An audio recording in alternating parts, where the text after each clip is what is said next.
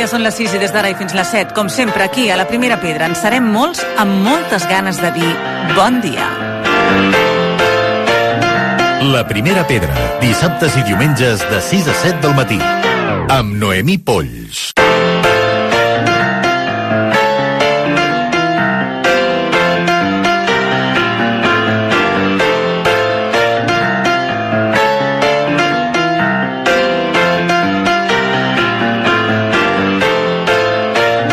La Primera Pedra, dissabtes i diumenges de 6 a 7 del matí, amb Noemí Polls. Els suïcidis i les depressions es disparen a partir dels 70. Els suïcidis en homes i les depressions en dones. Jubilacions traumàtiques, malalties incapacitants, pèrdua de mobilitat, soledat, aïllament, són alguns dels factors que fan que aquestes xifres es disparin, que s'hagin agreujat. L'entitat Amics de la Gent Gran lluita contra la soledat no desitjada i l'aïllament social des de 1987. Actualment compta amb 2.781 voluntaris i avui, per parlar de tot plegat, comptem amb el director dels Amics de la Gent Gran, l'Albert Quiles. Molt bon dia. Hola, bon dia, com esteu? Doncs estàvem eh, justament repassant aquestes xifres. És una xifra alarmant, no? Doncs sí, la veritat és que des de la Fundació Amics de la Gent Gran ja fa 36 anys que estem lluitant contra la soledat no desitjada de les persones grans i hem de dir que hem tingut eh, darrerament i especialment degut també a la situació doncs, provocada per la pandèmia de la Covid-19 doncs una situació doncs, de creixent eh, demanda, és a dir, de, de moltes més sol·licituds de persones grans que pateixen soledat, no? I, i això ens preocupa, perquè són situacions cada vegada que eh, veiem en, el, en la nostra pràctica diària, que són situacions més complexes, més difícils, on hi ha més patiment, on hi ha més malestar.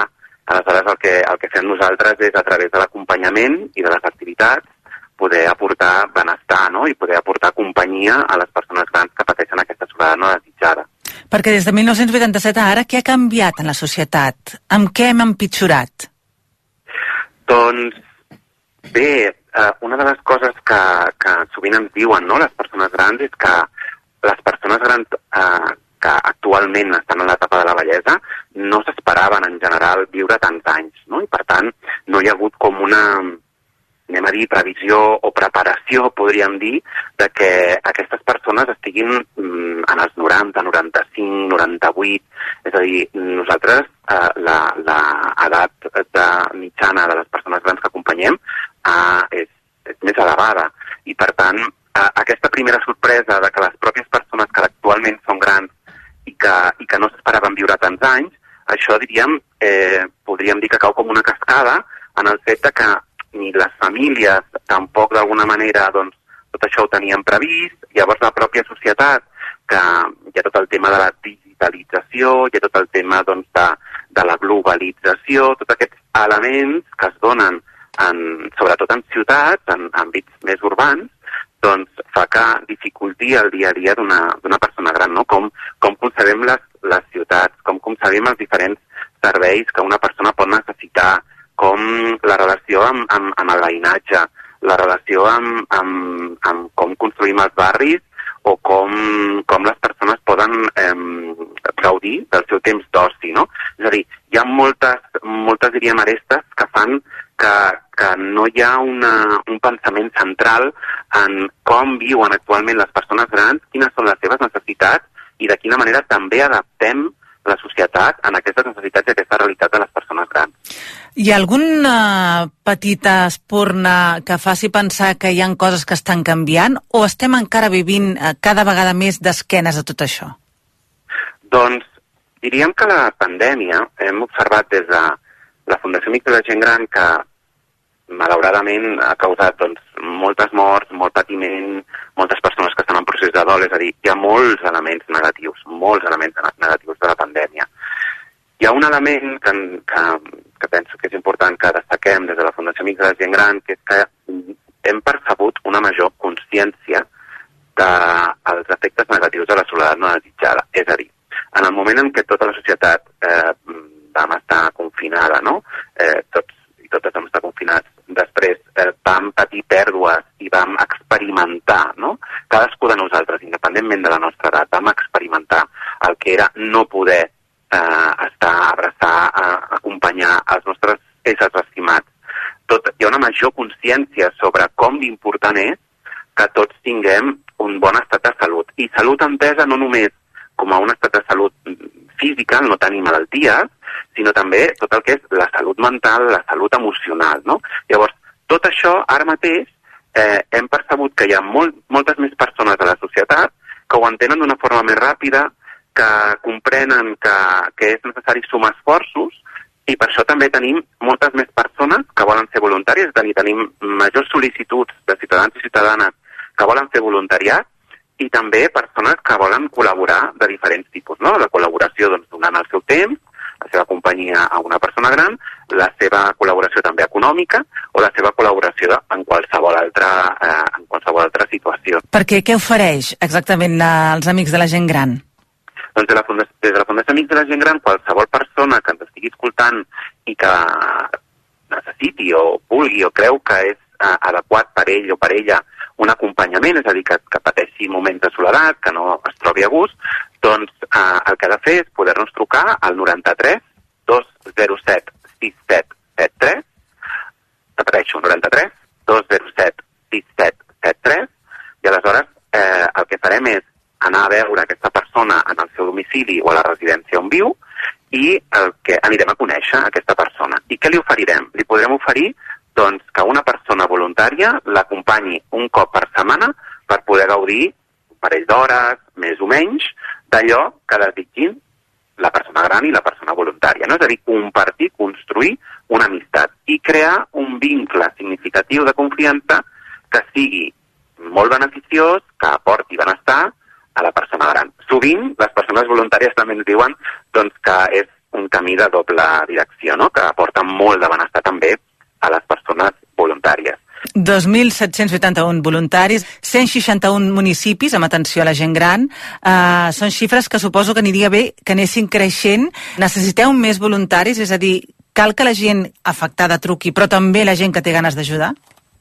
Doncs sí, de fet, ara ja fa uns anys que estem presents per tant, estem acompanyant a persones grans de les quatre províncies de Catalunya. Per tant, tenim seu a Girona, tenim seu a Lleida, tenim seu a Tarragona, a Reus, a Barcelona, a Badalona, a Sabadell. Em deixaria...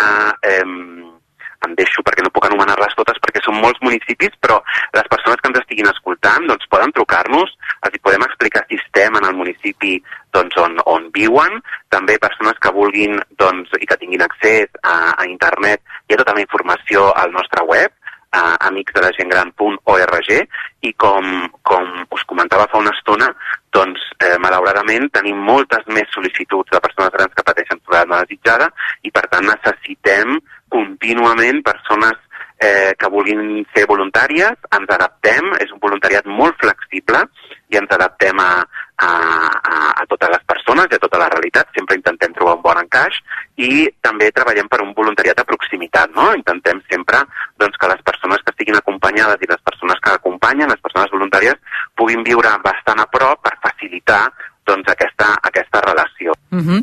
Doncs, per tant, des d'aquí també la nostra crida a que tot aquell que vulgui col·laborar amb l'entitat que ho faci, trucant al 93 207 67 73, però també tots aquells que vulguin eh, buscar també aquest suport, aquesta ajuda, que se sentin acompanyats, perquè hi ha una entitat, en aquest cas, n'hi ha moltes, i a través d'aquesta, de la gent, d'amics de la gent gran, podran també entrar en contacte amb altres maneres de poder afrontar aquests últims anys que moltes vegades la societat els hi dona l'esquena. Albert Quiles, moltíssimes gràcies per haver-nos atès. A vosaltres. Moltes gràcies a vosaltres. La primera pedra, dissabtes i diumenges de 6 a 7 del matí. Amb Noemí Polls.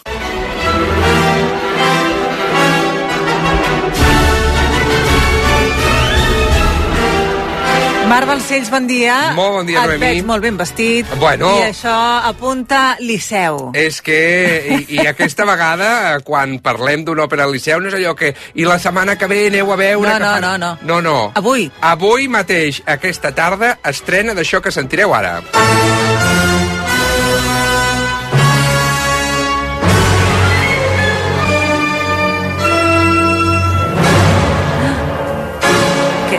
Pel·lícula de por. Sí, sí, totalment. Sembla això... Bueno, és que és una òpera que fa molta por, depèn de com la miris i sobretot si la mires amb ulls actuals. Escolta, això olora molt a Puccini i això olora molt a l'antiga Xina, uno más otro igual a Turandot. Turandot. Turandot i, a més, en el muntatge tradicional de la Núria Espert, que ja va reinaugurar el teatre després de l'incendi del 99. És a dir, que aquest cop tenim un muntatge tradicional, però amb coses que han anat incorporant, perquè, clar, aquest cop no és només la direcció escènica de Núria Espert, sinó que hi ha la de Bàrbara Lluc, que és la seva neta.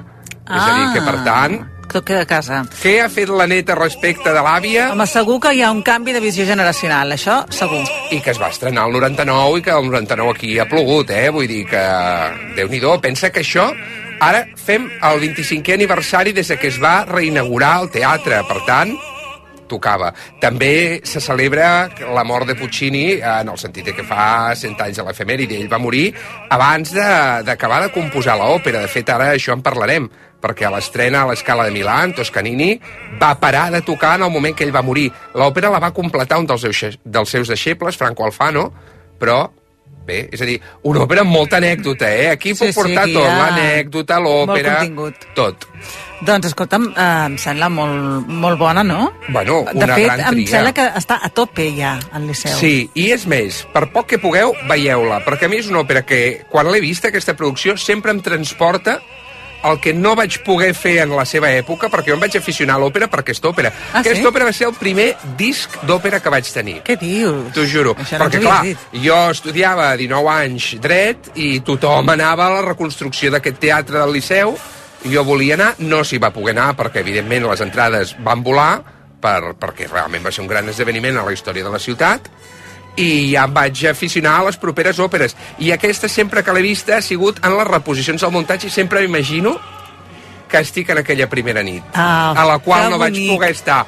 Me catxis. Bueno, tot això que sentiu, per cert, és el mandarín que està dient poble de Pequí, que tenim una princesa una mica malvada, eh, que escolta, es diu Turandot i que va matant a tots els pretendents que té perquè la noia, eh, voler-se casar, no, es vol casar. Ara explicarem per què. El tema és que, bueno, ella com que, evidentment, l'obliguen a casar-se en el sentit de que s'ha de casar amb algú, diu, doncs jo faré tres preguntes, tres enigmes complicadíssims, i qui el respongui, doncs amb aquell sí que, bueno, ja, sí que em casaré. Evidentment, què és el que passa? Ningú encerta, i de fet la cosa és que aquell, aquell any, quan arriba el protagonista, ja en porten 13 de morts. Caram. Imagina't. Protagonista que és el Calaf, que es troba, fixa't tu, un príncep desconegut que es troba allà, a Pequín, amb el seu pare sec i la noia, la criada de Palau, que l'acompanya. Escoltem-la perquè aquesta és absolutament, per mi, el gran personatge de l'òpera. Contra el que seria la fredor de Turandot, doncs aquí tenim el gran amor Tot de l'òpera, eh, el caliu, el cor, que és la Liu, escoltem-la, amb la veu de la gran Liu per mi, que és la Montserrat Cavaller, cantant El Senyor Escolta.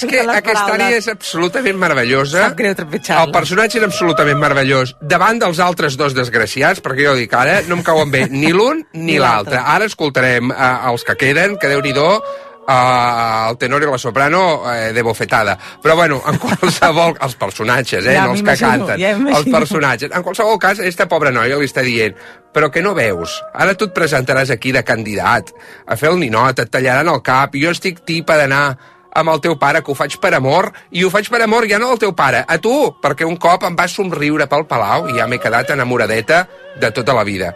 Per cert, aprofitant que ens passa la cavaller per aquí, escolteu el fragment final de l'ària perquè el que fa ella és absolutament fora d'aquest món.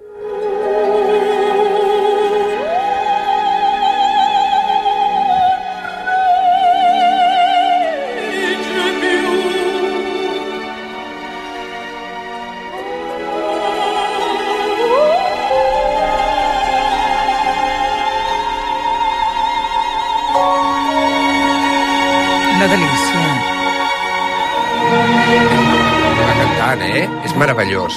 És absolutament out of this world, que dirien els anglesos. O sigui, això és de marcianos. En qualsevol cas, Puccini, home de teatre, què és el que vol? Doncs el que vol és tenir grans finals i us ensenyo com acaba el primer acte, que és quan el tontaines aquest del príncep, el tenor, decideix que sí que ell es presenta com a pretendent i que passarà les tres proves i, com us deia, com era un gran home de teatre, Puccini llença tota la carn a la graella perquè acabi l'acte de locura. Vamos allá.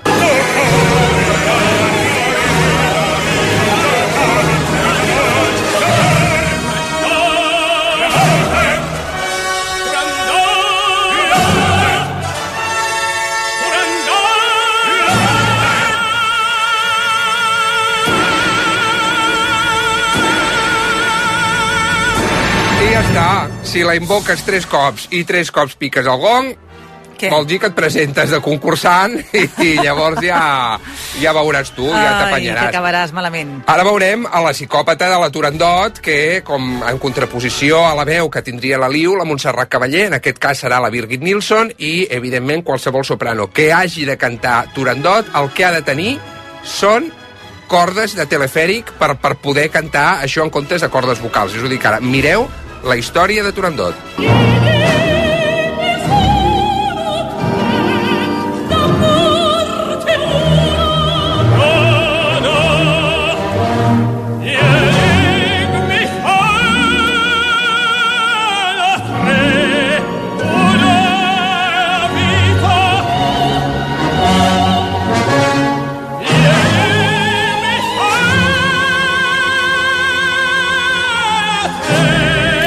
Caram, Poca broma. espectacle pur, eh? Poca broma.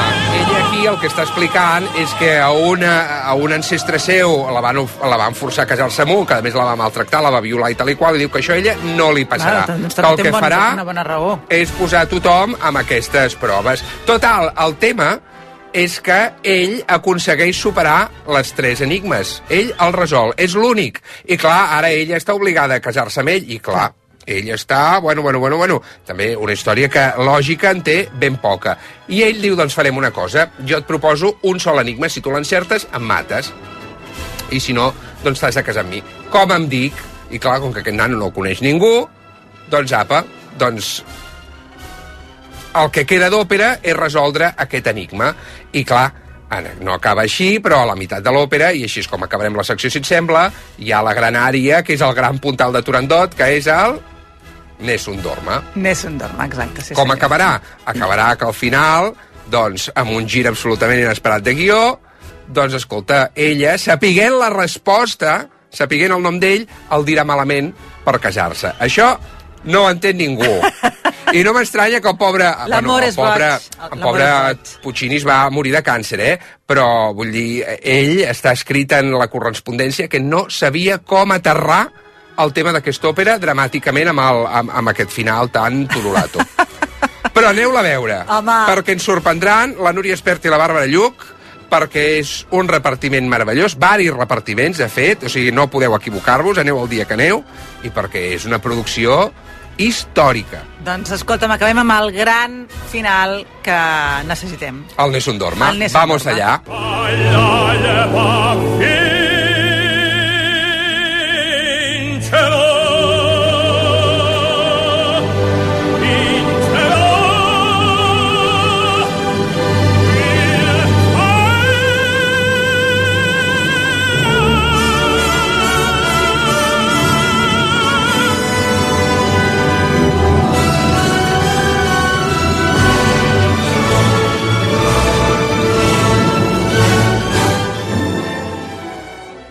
Moment ara per saludar en Jordi Margarit. Jordi, molt bon dia. Bon dia, Noé. Un 26 de novembre del 2009, 12 diaris catalans publicaven un editorial conjunt sota el títol La dignitat de Catalunya vers el Tribunal Constitucional i la sentència de l'Estatut de Catalunya. Els diaris van ser el periòdico La Vanguardia, Avui, El Punt, Diari de Girona, Diari de Tarragona, Segre, La Mañana, Regió 7, el 9-9, Diari de Sabadell i Diari de Terrassa. Diferents mitjans de comunicació privats i altres persones s'adherien posteriorment en aquesta iniciativa. Aquell 2009, Lady Gaga aconseguia el col·locar diferents temes a les llistes de la ràdio d'arreu del món. Una d'elles, aquest Bad Romance. Roma, Roma,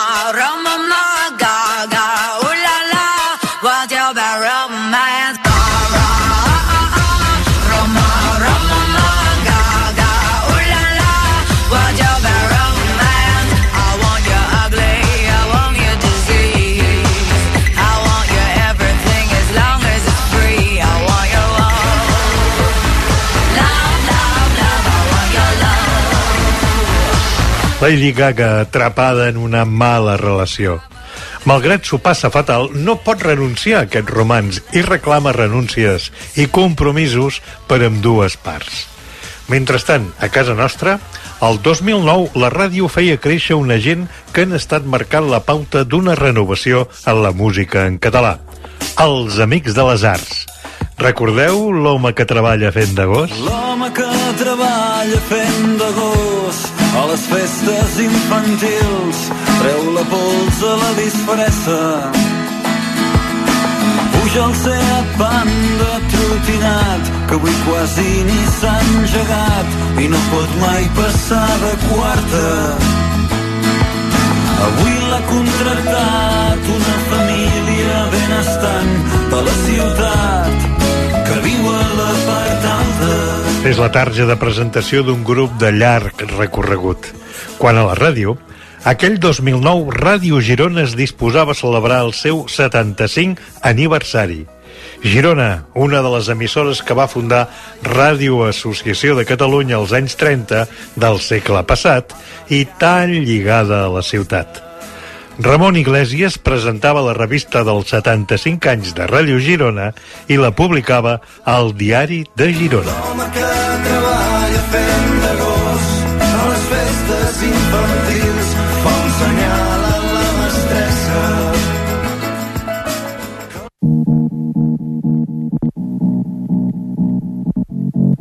Montse Interiors t'ofereix Cases amb ànima.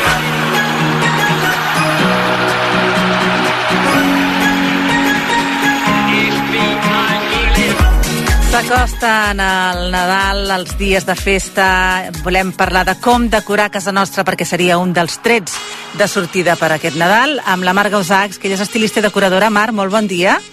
Hola, bon dia. Home, jo crec que decorar la casa de Nadal és el que realment marca el tret de sortida, perquè encara no estem encara amb els dies de festa, però en canvi ja ho estem vivint, no? És com... Bueno, és que crec que la, el Nadal aquest any, potser és una percepció meva, eh? Però penso que s'ha adelantat moltíssim. I tant, ja estan totes les botigues amb les decoracions de Nadal. Les, bo- bueno, les, les botigues comencen oficialment el dia 15, que jo he sigut escaparatista molts anys, Ah, sí? i era el partir del dia 15 de novembre, era com Doncs jo la diria que campanya aquest oficial. any he vist coses i botigues amb coses de Nadal ja a principis de novembre. Sí, sí senyora, sí, Eh? jo també, jo també, jo també. I això fa també que nosaltres no, a, a, també ens vulguem precipitar i adelantar i el que muntàvem a la primera setmana de desembre el pont, no? sempre era com el pont es decora les cases, s'ha adelantat tot més i bueno, també és una bona opció per, per lluir la casa i disfrutar del Nadal, no? L'altre dia vaig veure una notícia que em va fer molta gràcia que deia que la gent que decora abans del Nadal és, és més feliç perquè està com més contaminada de tota aquesta energia i tota aquesta vibra nadalenca, no? Em va, Doncs, fer, em va cridar l'atenció. A veure, doncs serà qüestió de decorar-ho i per això hem dit la Mar segur que ens Començar fer-ho ja. bé, perquè clar, a vegades tenim tantes ganes que acabem empastifant la casa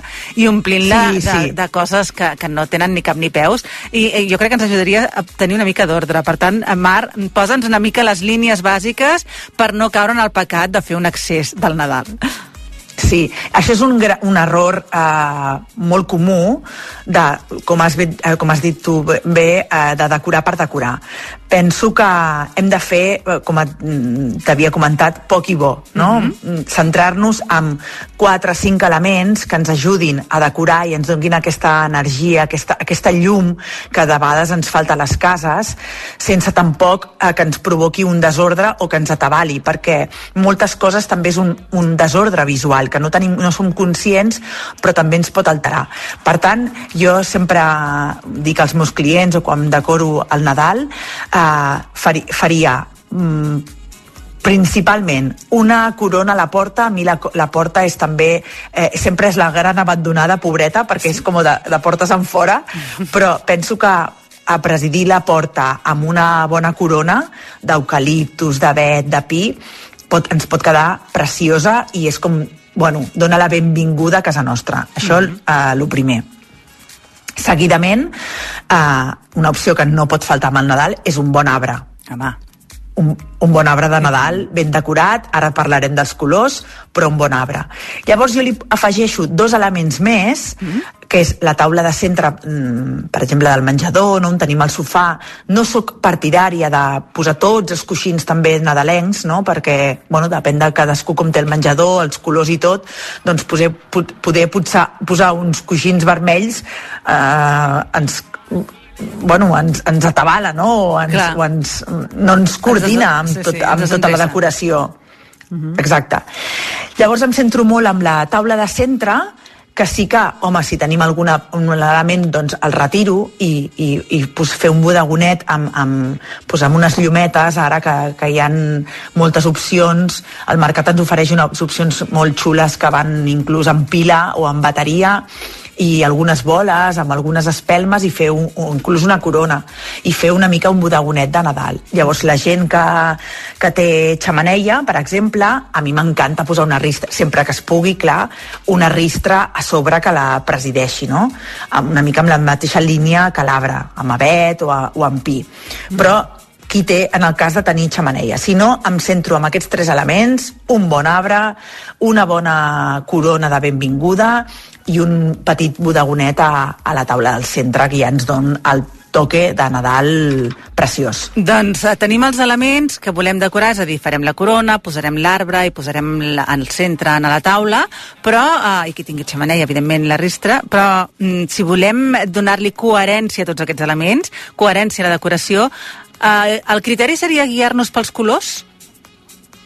Hauríem de fer quin color ens fa il·lusió decorar, perquè al final és una cosa puntual no? I, i és, és com una pop-up no? que està un, un temps i se'n va per tant ens podem permetre uh, posar-li una mica de màgia llavors jo em basaria una mica agafar el fil conductor la base sempre és el verd de, del natural, de l'avet o de l'arbre que tinguem artificial i llavors afegir-li el color que ens faci il·lusió. No decorar sense cap criteri ni, posar, ni fer barreja de colors. Llavors, aquest Nadal, jo pel que estic observant, que ja porto temps ja treballant amb, amb això, la classificaria perquè l'oient ens entengui amb, amb, amb tres opcions, no?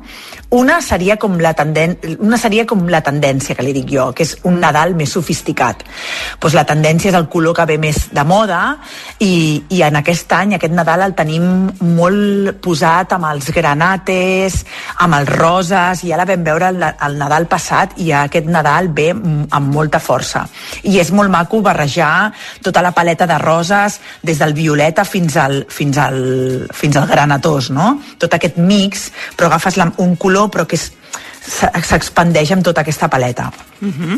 I per mi aquesta seria el, el Nadal sofisticat. Aquest color principal sempre barrejat amb els que són típicament de Nadal, com seria el verd de l'avet, que ja no el pots evitar, i de, Per les, suposat. i de les plantes que ens ajudaran a decorar l'eucalipto, etc etc. no? Maco per donar-li un punt més de sofisticació?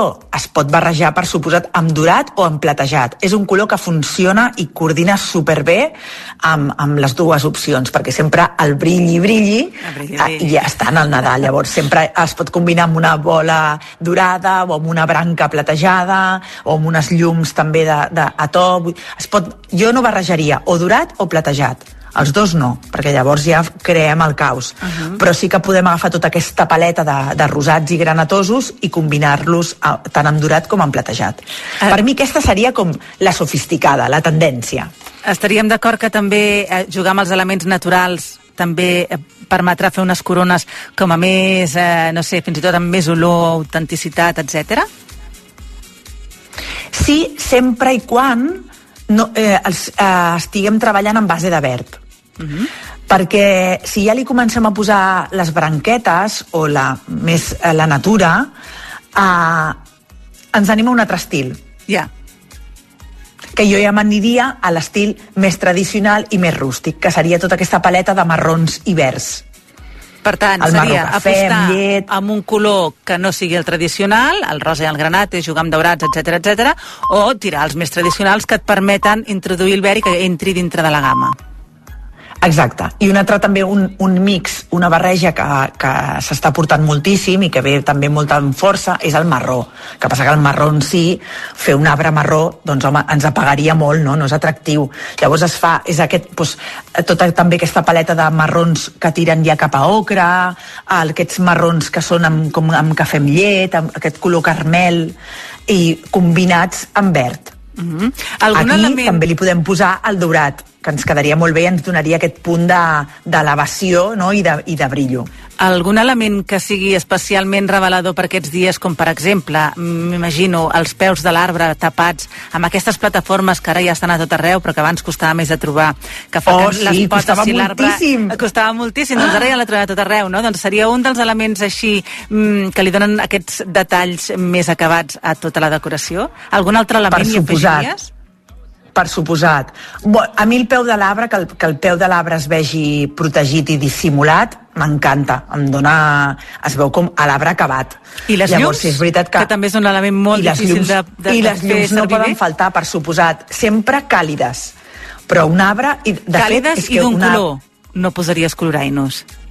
Jo no posaria, jo però potser també és la meva opinió personal, eh? Jo posaria d'un color, a més es porta moltíssim, i es porta molt els arbres totalment verds, plens de llum i sense cap eh, adornamenta també, eh? Mm -hmm. Queden molt elegants. Queden eh? elegantíssims també, molt elegants, molt elegants, però la llum no pot faltar. I de vegades reomplerts també amb trossos d'avet natural o trossos d'eucaliptus Això o fins i tot tocs molt. vermellosos. Això no? també ho faig molt, perquè li donem a la, a la vet artificial, li donem el punt de més natural.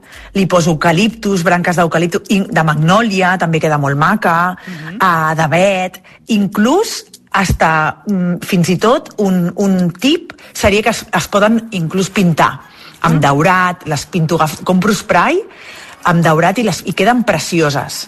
és Doncs- també un tip que és una, també una manualitat no? Que, Exacte. que, que es pot aplicar i queda preciós I que fa que també tot sigui una mica més exclusiu perquè està fet per tu i segur que igual no el trobaràs. sí, i no cal tampoc posar-li molta decoració, vull dir que si estem en plan... Jo l'any passat em va passar, eh? però com que també m'hi dedico, quan vaig començar a decorar casa meva estava molt minimal, però molt minimal, vaig posar l'arbre i quan vaig posar totes les llums el vaig veure tan maco, tan elegant, i dic, el deixo així. Doncs ho provarem, I, ho provarem. que- que quedava preciós. Menys, menys Ho- és més, no? ho Menys recomano més. molt.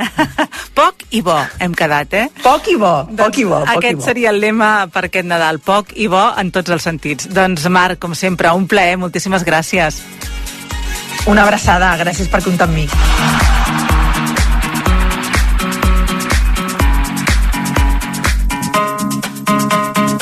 L'any 1934, el nostre besavi va començar la fabricació i venda de roba per metres. Després s'hi van afegir el fill, el Francisco i el net, el Paco. El Paco es va casar amb la Montse i varen obrir a Sant Vicenç de Castellet la primera botiga d'articles per la llar el 1972. Era la botiga de la Montse.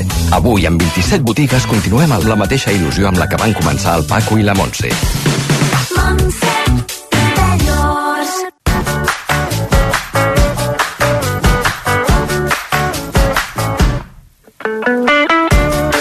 Per què els elefants no tenen càncer? Aquest és el suggerent títol del llibre Neurones fregides, una plataforma de joves científics, aquí els coneixem molt bé, que fan divulgació de la ciència i que ara han editat aquest llibre, a la vegada curiós i interessant.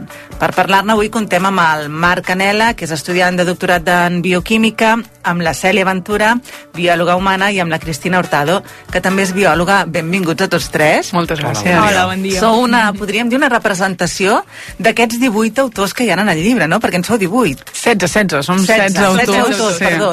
I què tal? Eh, Com ha anat aquest eh, repartiment de feines? Com veu decidir que seríeu aquests 16 autors? Bueno, els 16 no som ni totes les neurones fregides, perquè Això, per realment som un col·lectiu molt gran. Llavors va haver-hi primer una crida de qui de neurones fregides li interessa doncs, formar part d'aquest llibre i llavors hem decidit doncs, fer-ho per capítols i cada autor ha escrit un dels capítols. El que sí que hem intentat és que no fossin totalment separats, sinó que estiguessin connectats d'alguna manera, perquè volem donar la imatge al lector que al final la ciència és una xarxa i que tots els diferents àmbits es van tocant entre ells d'una manera o altra. Ah, en, aquest primer capítol, que de fet és el que dona títol al llibre, és eh, una primera pregunta obligada per nosaltres, i és per què els elefants, que viuen una mitjana de 60-70 anys, gairebé no tenen càncer? Per què passa això?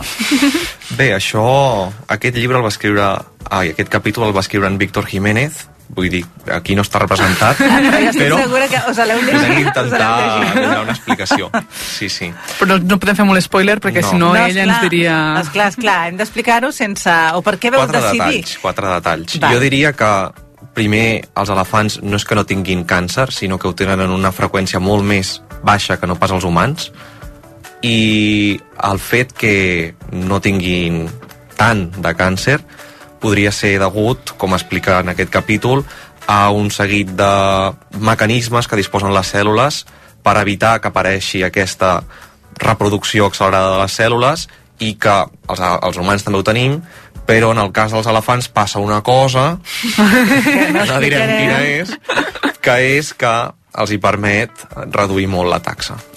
I, per tant, els elefants eh, viuen més anys en llibertat que sense, que també són curiositats que s'expliquen, l'ambient també afecta, suposo, en el càncer. El càncer està molt present en aquest llibre o quins altres temes traieu? Realment només és un, un capítol del llibre i hi ha molts altres em, temes, hi ha temes des de física, des de biologia, hi ha temes, per exemple, com ens orientem en l'espai, em, quin és em, l'origen de les espècies, com es podria nedar en una piscina de mel. Vull dir, són Això temes molt, molt, alea, molt diferents. Molt aleatoris. Com heu fet aquesta tria? I per què, eh, seguint amb el tema dels elefants, per què ha sigut aquest el que ha donat títol al llibre?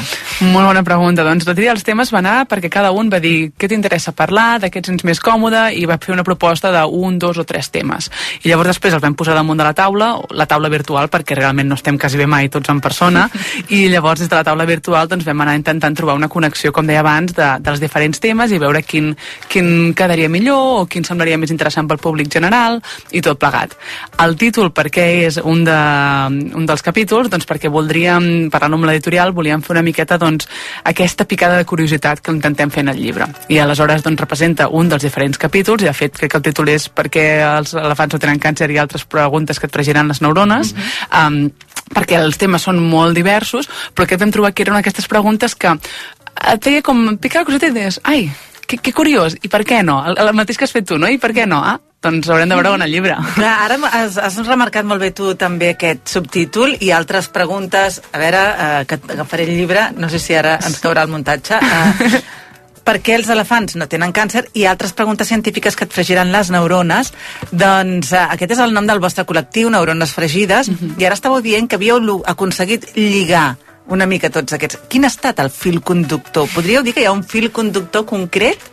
A veure, realment el que hem intentat és que al principi de cada capítol i al final de cada capítol estiguin relacionats entre si. De tal manera que si tu llegeix el llibre linealment, des del principi a final, vas veient com vas saltant d'un tema que potser és biologia, un altre que és matemàtiques, física, i vas canviant per molts àmbits de la ciència, però que tots tenen un petit fil conductor i vas veient, doncs, això, que com una xarxa de neurones, la, la ciència també es pot explicar per molts àmbits amb una història contínua. Que de fet aquest és el motiu que també us uneix a vosaltres, no? Totalment. També volia afegir una cosa que ha dit el Marc, que els capítols es poden llegir per separat i que pots començar pel final. és a dir, no, no, tens per què, no tens per què començar pel principi perquè um, al final són diferents informacions i com que estan lligades pots començar per on vulguis i això és potser també un afegit. Uh, vosaltres uh, feu divulgació científica en català, uh Mhm. -huh. això també és el que us uneix, i, i estareu d'acord amb mi que moltes vegades parlar de ciència es fa com una mena de bola que, que fa que utilitzem llenguatge molt distant de la gent del carrer a la gent que esteu utilitzant-lo per, per, per estudiar i que, i que costa. Vosaltres, com a plataforma Neurones Fregides, us ha costat? Heu trobat quin és el secret per fer arribar aquests aspectes científics a la gent? Bueno, esperem que sí, um, esperem que, els, que el lector pugui entendre-ho el millor possible, però el que hem intentat fer nosaltres per aconseguir arribar a aquest nivell, perquè clar, al final tots fem divulgació de maneres molt diferents. Tenim gent que escriu, però per exemple jo em dedico més a fer temes de vídeos i coses d'aquestes.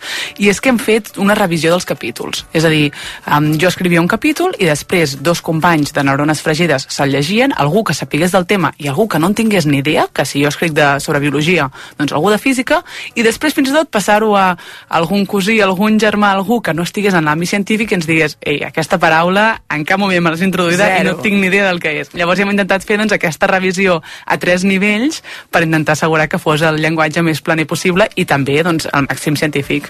Perquè vosaltres eh, publiqueu molt a través de xarxes socials. Eh, quin feedback teniu? És a dir, veieu com la gent realment us segueix perquè entén els missatges que dieu? Us feu propers a la gent? Teniu aquest feedback? Moltes vegades ens arriben comentaris des de Twitter o X, com se li digui ara, a YouTube, en pàgina, la nostra pàgina web, um, ens arriben comentaris de gent, ocasionalment, altres vegades més fluidament, i eh, no sé, jo crec que a tots nosaltres ens posa molt contents veure com la gent et dona gràcies per dir mira, això ho he entès, moltes gràcies per explicar-nos-ho d'aquesta manera. A més, tots esteu d'acord amb que la vostra unió és que tots sou divulgadors científics amb llengua catalana i que tots sou joves, que això no ho Exacte. dieu mai, però que val la pena remarcar-ho, perquè nosaltres Totalment. sempre ens omplim la boca dient que són, sou molt joves per ser ja divulgadors científics. Esteu d'acord que aquests són els tres criteris que us uneixen? Jo, jo penso que sí. Sí, sí, la, la passió per la ciència, passió per comunicar-la, fer-ho en català perquè és la nostra llengua Mm. i ser joves, que en algun moment ho deixarem de ser, però esperem igualment poder seguir comunicant la ciència. Bé, podrem dir que vam començar sent joves en aquest projecte. Exacte, exacte. I a més a més, no sé si esteu oberts a altres científics, és a dir, sou un grup tancat, ara en aquest moment en parlàvem de 16 autors del llibre, però dèieu, en som molts més. I podeu ser-ne molts més? I tant. Sí, sí, Estem sí. sempre oberts a, a gent i de fet jo penso que des de que va començar Neurones Fregides ha inspirat a que altra gent comenci a fer contingut de ciència en català. Sí. I ho ho, jo ho estic veient a xarxes i em fa... Bueno, m'enorgulleix, la veritat. I a més a més, eh, suposo que també ajuda que el vocabulari en català científic també sigui més fàcil de reconèixer i més fàcil d'utilitzar per tothom. Totalment, perquè a més a més és molt complicat. Jo treballo en anglès i em costa moltíssim a vegades dir com dic aquesta paraula en català i també veure doncs, per xarxes que altra gent està parlant de ciència en català ho facilita moltíssim de poder normalitzar una miqueta parlar de la ciència i fer-ho en la nostra llengua. Clar, fonamental. Escolta'm, per qui vulgui seguir-vos, on te va, a part del llibre, que és evident que l'han de comprar, que és per què els elefants no tenen càncer, i altres preguntes científiques que et fregiran les neurones, i aquí està eh, la, la, la, la, la, la frase, neurones fregides, que és el vostre, el vostre nom, doncs eh, on t'us trobaran? On t'us busquen? Ens podeu trobar a, a Twitter, bueno, o a X, a Instagram, eh, i ara mateix estem en procés de creació d'una pàgina web de neurones fregides, eh, bàsicament aquí, i si no, un correu. Arroba neurofregides, sí. ens trobareu per qualsevol xarxa, quasi quasi, i sempre estem oberts que ens envieu missatges, que ens digueu la vostra i que us digueu què us sembla el, el nostre contingut. I a més a més també us, els podreu seguir en aquí, perquè Exacte. a la primera pedra us anem rescatant de tant en tant i que a més a més teniu totes les seccions penjades en el en a RACU la carta i Exacte. si entreu a la primera pedra també trobareu totes les seccions de neurones fregides. Doncs moltíssimes gràcies a la, al Marc Canela, a la Cèlia Ventura i a la Cristina Hurtado per haver estat aquí i fer aquesta divulgació científica en català amb, amb aquesta veu tan jove que encara teniu ara i que us agraïm molt que ens la feu arribar. Moltes gràcies. Moltes gràcies. Moltes gràcies. Anem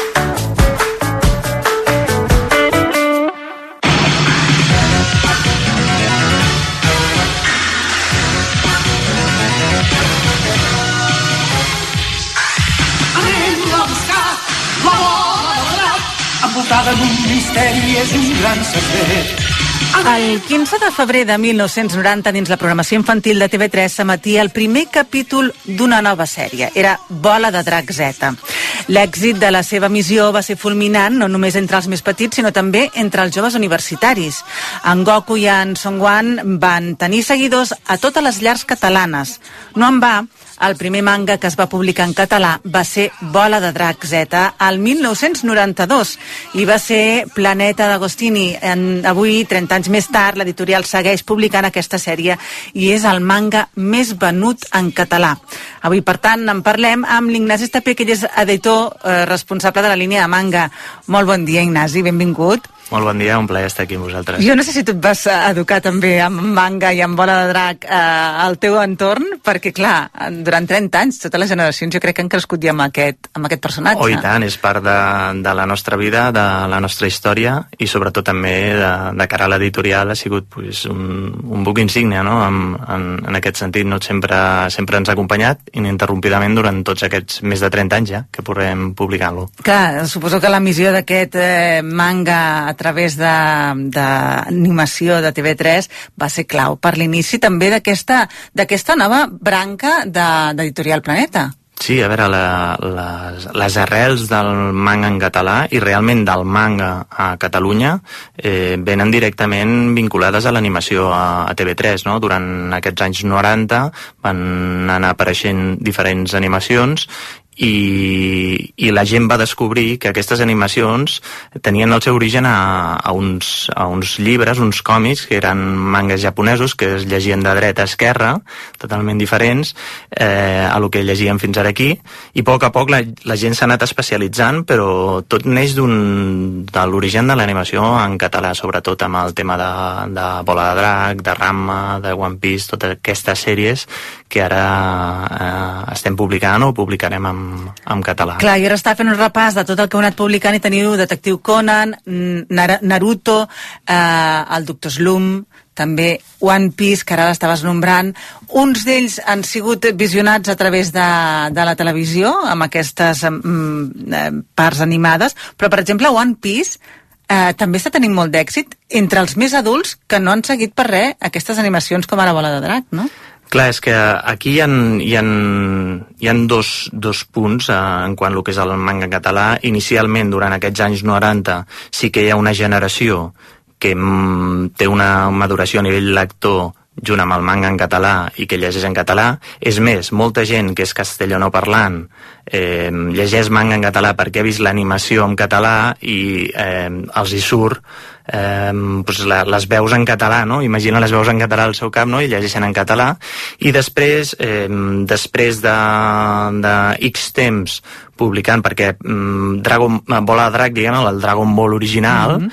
eh, ha estat publicat amb dualitat sempre català i castellà des dels inicis, des del 92. Després vam publicar el 94 el Doraemon, el 2001 el Chin-Chan, més tard el One Piece vam començar a publicar-lo a partir del 2000, però solament en castellà, i ara fa un any, entorn a postpandèmia, sí que va haver un, un, un nou, diguem, una nova joventut d'aquest manga en català i vam començar a publicar també això. Això també ho ha fet molt el que el canal autonòmic a través de l'X3 o en algunes plataformes s'han començat a posar les piles també amb fer el doblatge en català, tenim pel·lícules d'animació japoneses també en català i això ajuda moltíssim a que les noves generacions entrin ja directament amb, amb, amb el català. No? Exacte, i ara em feia gràcia també pensar que, clar, qui el va conèixer en català en el Goku, se'l feia difícil imaginar-se'l parlant en una altra llengua i això també ha beneficiat el fet de que es publiqués en català. És que és molt complicat. Nosaltres amb Doctor Zoom, per exemple,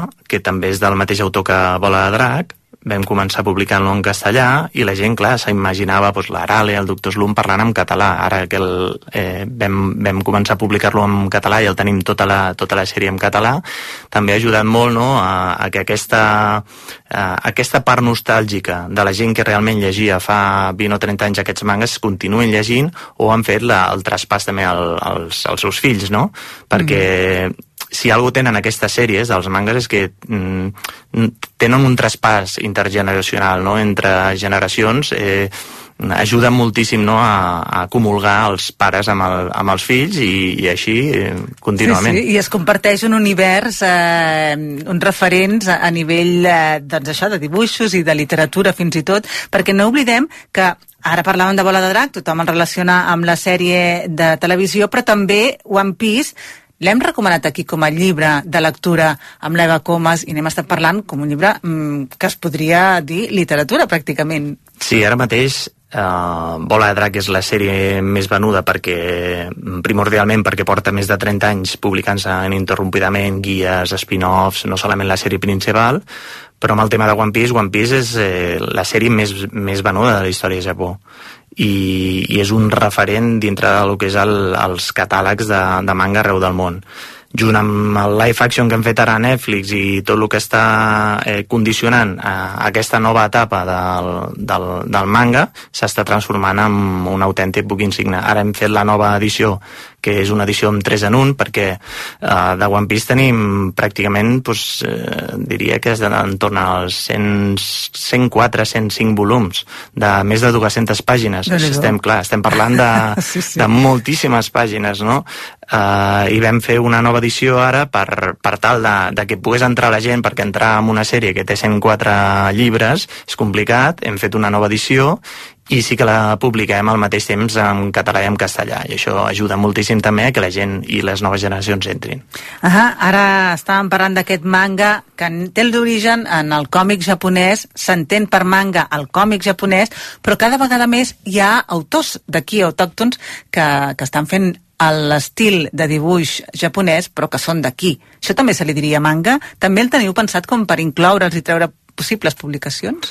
Això és un, un punt de partida molt interessant, ja que d'un temps cap aquí Uh, suposo que amb l'entrada també de, de les xarxes socials i de tota la informació que el, els propis lectors poden rebre d'arreu del món, s'ha especialitzat moltíssim el tema del dibuix i els estils de dibuix. Això ha fet que cada cop més les escoles i escoles especialitzades tenen gent que es dedica professionalment a fer mm, llibres en aquest estil de manga. El manga avui en dia així com va néixer com còmic japonès, té vessants arreu del món i té l'estil manga i tenim manga europeu i molta gent d'aquí que està publicant professionalment. Nosaltres tenim una revista de creació pròpia, en aquest cas en castellà, però que estem publicant i estem venent els drets arreu del món. És a dir, estem desenvolupant tot aquest... Eh, tot aquest model de creació pròpia en estil manga per poder algun dia no, publicar-ho també eh, segurament en català eh, i, i després que sigui un referent no solament aquí al nostre territori. No? Uh -huh. Cap a on va el món del manga de Planeta en català? Ram és una altra de les sèries que TV3 en el seu moment al 90 va generar pues, molt d'èxit i, i, i estava molt demandada perquè arribés en català i ara a final d'any la tindrem en català eh, tenint, tenint en compte que, que realment parteix d'un mateix motiu i és que Ramma la tenim publicada en castellà, però molta gent s'imagina les veus quan llegeix i tot en català. Clar, 30 anys publicant en català, com dèiem, gràcies també a aquest fenomen que va ser Bola de Drac en el seu moment, però cap on veieu el futur? És a dir, això ja està imparable, no? Això ja no s'acaba, el manga, i sobretot en català també, no? El manga realment ha tingut un, un èxit amb els últims 3 anys, sempre, sempre ha anat creixent, ha tingut les seves eh, petites davallades quan han arribat èpoques de crisi editorial, al 2008, eh, alguna editorial, per exemple, que publicava en català pues, eh, va fer fallida i vam, vam perdre algun, eh, vam descatalogar alguns, eh, alguns llibres en català que hi havia al mercat, hem recuperat alguns, com pot ser Naruto, que tenim 72 volums també en català, i d'un temps cap aquí, um, arrel, jo crec que arrel de la, de la pandèmia, que molta gent també estava a nivell en, a nivell de lectura estava molt més atent a disfrutar una explosió, no? una explosió sí, sí i vam començar a publicar el Doctor Slum en català per recuperar el, el factor nostàlgic i després My Hero Academia, que és una de les sèries eh, més venudes en, en castellà que tenia actualment, és com el nou bola de drac, per dir-ho així, d'aquestes generacions i que vam decidir publicar-lo també en català de manera bimestral per recuperar el, els volums que hi havien sigut publicats en castellà per publicar en català. Aquí hi ha un, hi ha un, un punt d'inflexió. O sigui, My Hero Academia en català comença a vendre molt diferent de lo que venia fins ara els llibres que teníem en català o els mangas que teníem en català, d'una manera repuntava totalment diferent i aquí ja s'animen. Pues, eh, altres editorials també a publicar una miqueta més en català, això ajuda moltíssim al mercat, hi ha una editorial que és Oso Comics que es dedica també a publicar molt en català i això ajuda moltíssim a, a que el, el, el lector tingui sobretot un, un catàleg al mercat amb una diversitat de gèneres i d'aventures que per primers lectors és molt important, crec que l'entrada a primers lectors és, és bàsica, Bàsica. Uh -huh i després junt amb això, amb el detectiu Conan, i després ara amb Haikyuu, que Haikyuu és una de les, dels nostres emblemes a, a l'editorial perquè ha sigut la, la sèrie més venuda de l'any. L'any passat eh, el, el llibre en castellà va vendre més que llibres d'Arturo Pérez Reverte o del, sí, sí, o sigui, sí, més enllà, un fenomen. sí, un fenomen i actualment l'estem publicant també en català i sobretot és perquè l'X3, per exemple, ha recuperat moltíssimes d'aquestes sèries també, tant Haikyuu com One Piece, eh, com Naruto, les podem veure a diferents plataformes digitals i això ajuda molt que la gent entri amb, amb molta força. Mhm. I aquí hem de- d'empujar tots. La realitat és aquesta. Sí, sí. I ara a finals d'anys, a més a més, hi haurà el Manga Barcelona. Presentareu alguna novetat també en aquí? I tant, no puc desvetllar res ara mateix, Ai. però sí que tenim, tenim novetats entorn al, al manga en català i us invito a que vingueu a la nostra presentació de novetats, si voleu, i si no, ens seguiu a xarxes perquè sempre durant el Manga Barcelona a les presentacions muntem, muntem un show espectacular. Molt atents a seguir per xarxes i per tot arreu l'editorial Planeta també aquesta part de línia de Manga en català. Moltíssimes gràcies, Ignasi Estapé. Moltes gràcies a vosaltres.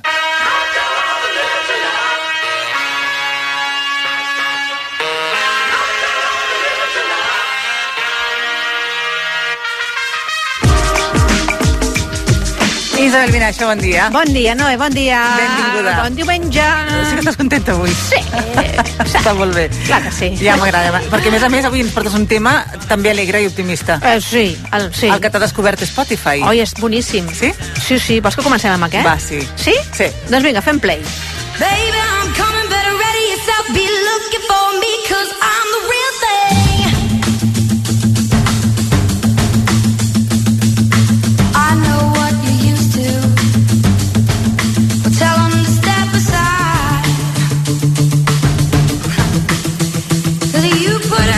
A Quina veu, quina potència. Està bona, molt bé, eh? molt bona. La recomano moltíssim. Va, que et dic qui és. Va, Anem a veure, directe, a va. veure, a veure. Audra Mae. El tema es diu The Real Thing. Nascuda l'any 84. Joaneta, a Oklahoma City. Cantant i compositora.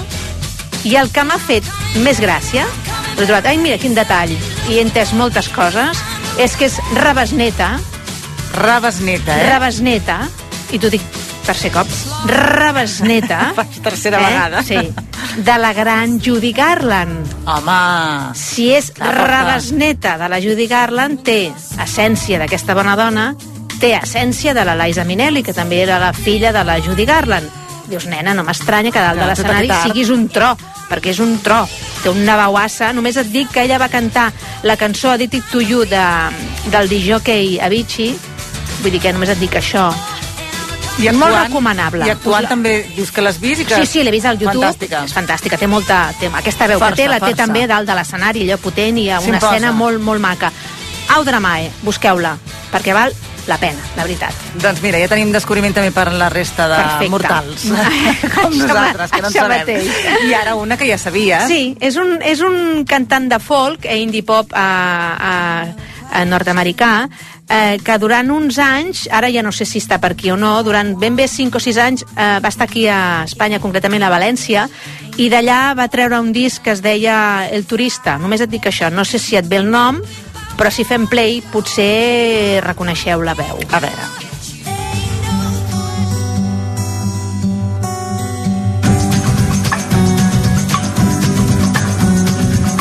I know somewhere there is a party going down. Interesting people, conversation to be found. Saps a qui m'ha recordat també el començar? Una mica rotllo Simone Garfunkel, no? Bueno, és aquest estil És així, aquest estil. Més, més, com el que deia abans, més folk, més, més indie, més, més tranquil·let. Estem parlant de Josh Rose. No sé si algun oient dirà, ah, sí, sí que em sona. És un tema que es diu Quiet Town i, com us deia, té infinitat d'àlbums de, de, d'àlbums editats. Un d'ells el va editar mentre estava aquí a València, com us deia abans, i m'ha fet molta gràcia doncs, que me'l retrobés una altra vegada, que me'l tornés a, a deixar escoltar, perquè sempre m'ha agradat moltíssim. És un, és un cantant i compositor que té un estil així tan agradable d'escoltar i a més a més dona molt perquè té, ja et dic, com deia, molta discografia i ha guanyat bastants premis. I si no Sona el coneixíeu doncs aquí el deixo. Josh Rose, el tema es diu Quiet Town Fantàstica ideal manera. per un diumenge exacte, per acabar el programa. Així Mm. que adeu-siau, Isabel, i a tots els oients també. Que vagi molt bé.